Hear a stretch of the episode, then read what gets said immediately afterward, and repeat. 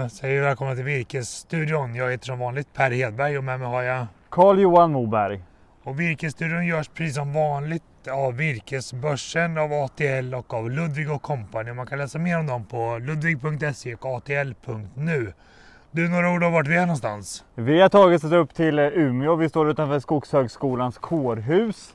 Eh, här uppe är det ju det är fantastiskt fint väder och vi är väl kanske mitt den här beryktade femte årstiden, vårvintern då. Det är kallt på morgonen, strålande sol och ja, en härlig dag helt enkelt. Det är lite, så här, lite lagom krispigt men det är hett på virkesmarknaden får vi säga och prishöjningarna duggar tätt. Kan du hjälpa oss att förstå? Ja men så har det gjort då. Egentligen då de här sista veckorna så har vi börjat se att det börjar röra på sig igen. Eh, vi hade ju då senast ut var egentligen Södra Skogsägaren som gick upp och bara justerade både vad gäller eh, timmerpriser, massavedspriser och även plockat fram ett eh, lite grann stormsortiment och de bitarna. Det som var lite ovanligt den här gången var ju att norra höjde först, sen kom mellanskog, sen kom södra. Det brukar nästan vara omvänd tågordning när vi ser prisändringar. Ja, då får man väl kanske titta lite längre bak. Det har ju dröjt betydligt längre innan norra gjorde en justering förra gången. Så egentligen kanske de var sist ut fast det blev först ut den här gången. Tror du att vi kommer se fler prisökningar eller vilken pristrend rör vi oss i just nu? Det, men det är ju väldigt osäkert läge på hela virkesmarknaden. Vart är vi på väg? att komma utbudet var? Vi vet att de här strömmarna från, från österifrån är helt strypta nu. Eh, så att det finns ju ett stort behov av, av virke runt om i världen. Så att eh, håll er uppdaterade. Vi ska förmedla vad vi hör och får fram i alla fall framöver. Och det är så att eh, Rysslands invasionskrig mot Ukraina påverkar flödena ganska mycket. Exempelvis då vi kommer att isolera Ryssland och Belarus från virkesmarknaden i övrigt och Ukraina blir åtminstone temporärt avskärmade såklart av logiska anledningar. Och Finland drar ju väldigt mycket massaved men också timmer från Ryssland. Ryssland är också en viktig försörjare till de baltiska skivindustrierna och fanérindustrierna. Mm. Så att det är stora flöden som ska byta riktningar och hitta nya källor. Mm. Och det borde påverka oss här i Sverige också. Ja, det, men det gör det. Nu, nu pratar du om massaved och timmer och inte tänkt på energisidan. Och vi vet ju vi har ju skyhöga energipriser nu. Och eh, vi, vi, måste ju titta på hur kan vi lösa det här. Och man har eldat en hel del biobränsle i Sverige redan år på grund av att det har varit ett sånt ja, klimatet har varit så att det har varit kallt. Så att vi har låga lager energived. Eh, hur kommer prisbilden se ut där då när vi går in i nästa säsong? Och eftersom det har kommit in en hel del också då bortifrån, från, framförallt kanske då kanske till baltländerna då från, från Ryssland. Så att det här är också en sak som verkligen håller på att förändra sig. Hur ska man tänka som skogsägare just nu då? Man kanske står inför gallringar, man kanske har slutavverkningar. Hur ska man resonera? Ja, men först och främst måste man ju också utgå från sig själv. Vad, vad vi, behöver du och din skog göra just nu? Eh, man får ju inte tappa fart i skogen. Utan man måste hålla igång verksamheten för att hålla igång tillväxten över tid. Eh, rent indirekt då, sånt som, som kommer att slå det är de ökade avverkningskostnaderna, åtgärdskostnaderna. Men alltså tanka, det har ju blivit lika dyrt att tanka skogsmaskinen som att tanka bilen. Eh, och här får man väl vara med och se så att man ligger på en rimlig nivå där. Men vissa aktörer har gått ut med att man justerar eh, prisbilden då mot sina entreprenörer. Men det är egentligen inget, inget nytt på det sättet utan de flesta aktörerna sitter ju då med ett, en dieselklausul om man uttrycker sig så. Då. Så går dieselpriset upp så ökar ersättningen till dem. Men sen ska man säga, det är ju inte bolagen som står för den här ersättningen. Det är ju markägarna som får högre avverkningskostnader. Man kan väl säga att massaveden ger väl helt okej betalt och nu är vi inne i en positiv pristrend för massaveden så kanske läge under året att planera för lite gallringar. Det tror jag alla gånger. Och sågtimret ligger kvar på en ganska hög nivå mm. även efter pandemin. När vi såg att det gick upp kraftigt så ligger det kvar på en hög nivå. Mm. Så inget dumt läge att göra slutavverkningar heller rent intäktsmässigt. Nej det är det inte, men sen som alltid alltså du ska kolla vad, vad erbjuder de olika bolagen för priser och samtidigt vad de erbjuder så, så kostnader på själva avverkningsbiten. Och vi kan väl prata lite grann om det. Vi har väl sett det att Sverige har ju blivit som ett prisdyk i hela Sverige. Vi har väldigt låga virkespriser i Sverige jämfört med andra länder. Och det gör att allt fler exportörer kommer in till Sverige och söker virke hos oss. Och där kan man få bra betalt på kort sikt som skogsägare också, om man når ut till de här exportörerna. Ja, men det, är jätte, det är jätteviktigt liksom att se och säkerställa liksom sin egen lönsamhet när man bedriver en affärsverksamhet som är skogsägande är. Och då måste man ta alla tillfällen som ges för att kunna öka, öka sitt netto. Och när man driver en affärsverksamhet så måste man deklarera och vårsolen indikerar att det snart är dags att deklarera. Det kanske är lite enklare för de som har Ludvig skog, så vi kan väl ta en jingel om det också. Det gör vi. Hejsan! Erik Rasm heter jag. Jag jobbar på Ludvig Company i Umeå och jag skulle vilja slå ett slag för vår nya tjänst Ludvig Skog där du kan ägna dig åt löpande bokföring, bokslut och deklaration. Just nu har vi ett specialerbjudande på två månader gratis som du kan använda dig av genom att klicka på länken här bredvid. Skulle det vara några frågor kring tjänsten så är ni varmt välkomna att höra av er till mig eller några av mina kollegor här på Ludvig Company. Så om du inte använder Ludvig skog redan, se till att du gör det och gå in på ludvig.se och läs mer om den tjänsten. Du, vi är uppe i Umeå och träffar lite akademifolk också. Kan du berätta? Ja, men det gör vi. Man gör ju om nu utbildningarna då på SLU, då, de skogliga utbildningarna. Då. Det handlar om kandidatprogram och det handlar om masterprogram och de bitarna. För att reda ut det här så att vi vet när vi pratar med våra användare våra, våra kontaktnät så har vi, och även för er då, så har vi träffat Ola Lindros som har haft ansvar för den här förändringen. Så att vi låter Ola prata mer om de här nya, det nya utbildningssystemet helt enkelt. Hejsan, jag heter Ola Lindros och jag är professor i skogsteknologi vid SLU. Och jag är också vice dekan med ansvar för grundutbildningsfrågorna på SLU och Skogsvetenskapliga fakulteten. Vilket, ansvar att jag är, vilket innebär att jag är ansvarig för programmen på kandidatnivån och mastersnivån på SLU. Eh, sen i höst så har vi gjort om utbildningarna på SLU på det sättet att jägmästarprogrammet inte längre ges utan nu har vi istället tre stycken nya kandidatprogram som ges. Och tillsammans med skogsmästarprogrammet innebär det att vi har fyra olika program som man kan börja på om man vill läsa skog. Och de har olika inriktningar, de har olika förkunskapskrav på det sättet att man kan ha olika bakgrund från gymnasiet. Och eh, det är också på fyra olika orter så det finns någonting att läsa för alla som är intresserade av skog och gärna i kombination med någonting annat för alla programmen har eh, en kombination med ett annat huvudområde på något sätt mer eller mindre. Eh, och det här gör vi ju för att eh, skogsnäringen hade vuxit ganska mycket eh, sedan jägmästarprogrammet fanns. Eh, vi kommer från en historik där det fanns skogsmästarprogrammet tre år och jägmästarprogrammet fem år.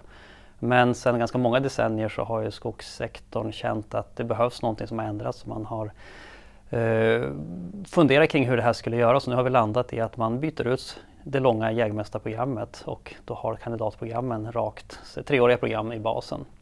Och det gör att man kan eh, dels börja på olika sätt som jag sa och sen så kan man också välja lite mer än tidigare än bara läsa inom ett snävt program. Så det är någonting som ger studenterna större frihet och mer valmöjligheter. Samtidigt har vi kvar jägmästarexamenstiteln och den får man i tillägg till sin kandidatexamen och mastersexamen om man väljer ett innehåll då som, som gör att man uppfyller kraven för jägmästarexamen. Och det innebär att man ska ha mycket skogsbruksvetenskap, man ska ha en del biologi och en del företagsekonomi framförallt, men ekonomi. Och eh, därutöver en del annat valbart också. Så att det är som kompetensen i, som, som är det som eh, behövs för examen, inte att man har läst ett visst program. Så att alla de här fyra olika kandidatprogrammen är en bra ingång för att sen läsa vidare och ta ut en masterexamen så småningom och eh, en jägmästarexamen också för den delen. Och eh, de kandidatprogrammen vi har, då är det, det som är mest likt jägmästarprogrammet är skogsvetarprogrammet som är ett program som är naturvetenskapligt inriktat och det fokuserar då på skogen som både eh, biom, som ekosystem och som naturresurs. Och för att börja på det programmet så bör man ha en naturvetenskaplig eh, gymnasiegång bakom sig. Och eh, eh det ges i Umeå och det har möjlighet till att eh, ta ut en kandidatexamen endera i biologi eller i skogsbruksvetenskap. Och det är det programmet som man kan säga då är mest likt jägmästarprogrammet i dess gamla form.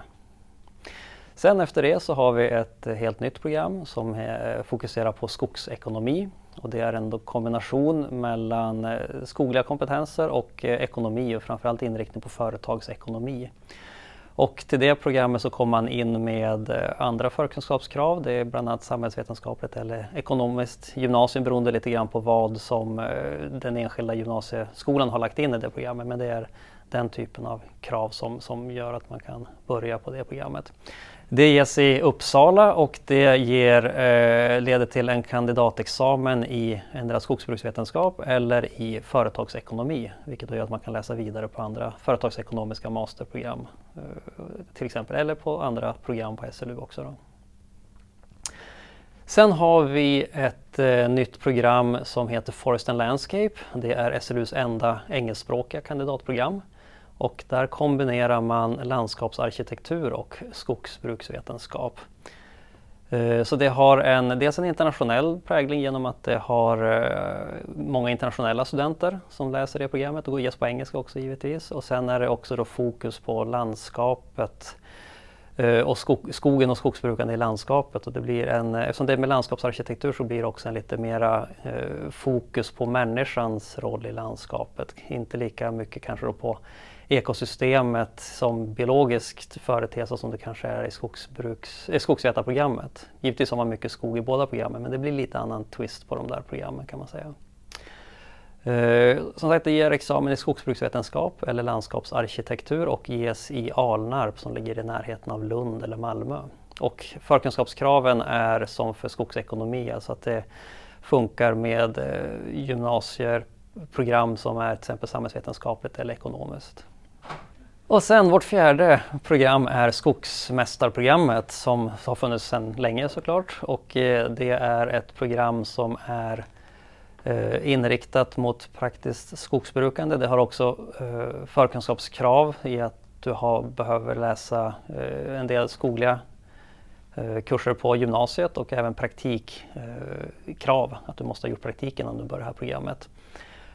Och har du inte det genom att ha läst till exempel naturbruksgymnasium så går det att läsa ett skogligt basår för att komplettera och på så sätt komma in på skogsmästarprogrammet med platsgaranti också. Eh, det är ett program som är, ger eh, yrkesexamen skogsmästare och det är inriktat mot de mera fältnära tjänsterna inom skogsbruket för den som vill jobba mycket i skogen och de praktiska arbetsuppgifter som finns där. Men det finns också givetvis mycket annat som man kan jobba med. Eh, men det är det mer, mest fältinriktade programmet av våra program. Och gemensamt för alla de här programmen är ju då att eh, det går, går, att börja jobba direkt efter eller att man kan läsa vidare på något av våra masterprogram. Och som sagt alla är då påbyggningsbara till en jägmästarexamen också om man skulle vilja läsa den typen av kurser som är eh, krav för att få jägmästarexamen. Men det går att läsa annat också om det är det som tycker att, om, man är det, om det är det som är intressant för en, att man kan fokusera på andra saker som inte då kanske uppfyller jägmästarexamenskraven, utan man får ju sin kandidat och mastersexamen ändå. Ja, jag hoppas du har tyckt det här varit intressant att eh, höra om vad vi har gjort med våra program på SLU och eh, du har mer information på pluggaskog.se. Du har länken här i bild och eh, hoppas att du hittar något program som du är mer intresserad av och då får du absolut inte glömma att söka eller tipsa någon du tycker borde söka det här programmet. Eh, 19 april är sista dagen för att söka till höstens antagning så passa på att göra det. Tack så mycket. Stort tack Ola för det och tryggt man kan fortfarande bli jägmästare trots att de gör om systemen. Ja, och sen samtidigt tycker jag då att det delas upp då att man tar sin kandidatexamen och sen när man kanske man kan ta ett sabbatsår till att jobba och sen bygga vidare om man vill ta masterexamen. Och sen samtidigt då möjligheten att komma in på lite olika sätt. Att det är inte, du kan komma in även då med samhällsvetenskaplig gymnasieutbildning på, på, den här, på kandidatexamen. Det tycker jag är jätteintressant för vi måste få in olika typer av vad ska man säga, kompetenser och människor till vår fantastiska bransch. Nej, men där tycker jag du slår huvudet på spiken. Nu kan man pussla ihop flera olika kompetensbredder men ändå gå och jobba mot skogen. Ja, det, här, det här känns modernt måste jag säga. Ja. Och det gillar jag att höra och se. Vi ska inte bli mer långrandiga än så här. Jag tycker att nästa vecka då har vi en kväll om hur kriget påverkar virkesmarknaden. Och vill man vara med på den här digitala skogsägarkvällen så går man till virkesborgsen.se, scrollar längst ner och klickar på event nere i foten så kan man anmäla sig. Det kostar ingenting och det går bra att se i efterhand. Och vi har jättespännande namn med på den här kvällen. Så bland annat kommer SCAs chef för sågade trävaror borta i Asien berätta om hans syn på det här. Vi kommer ha skogsindustrierna med. Patrik Selin som är gammal råvaruchef på International Paper. Håkan Ekström, bekant ansikte i Precis. den här världen. Joakim Larsson från SCB. Det blir en jätteintressant kväll. Så att gå in på virkesborsen.se, scrolla längst ner och anmäl er i foten så får ni vara med på våran kväll. Precis. Nu tycker jag att vi tar och njuter lite av vårvintern här uppe i Umeå och eh, så syns vi nästa tisdag igen. Det gör vi. Ha det gott! Hej!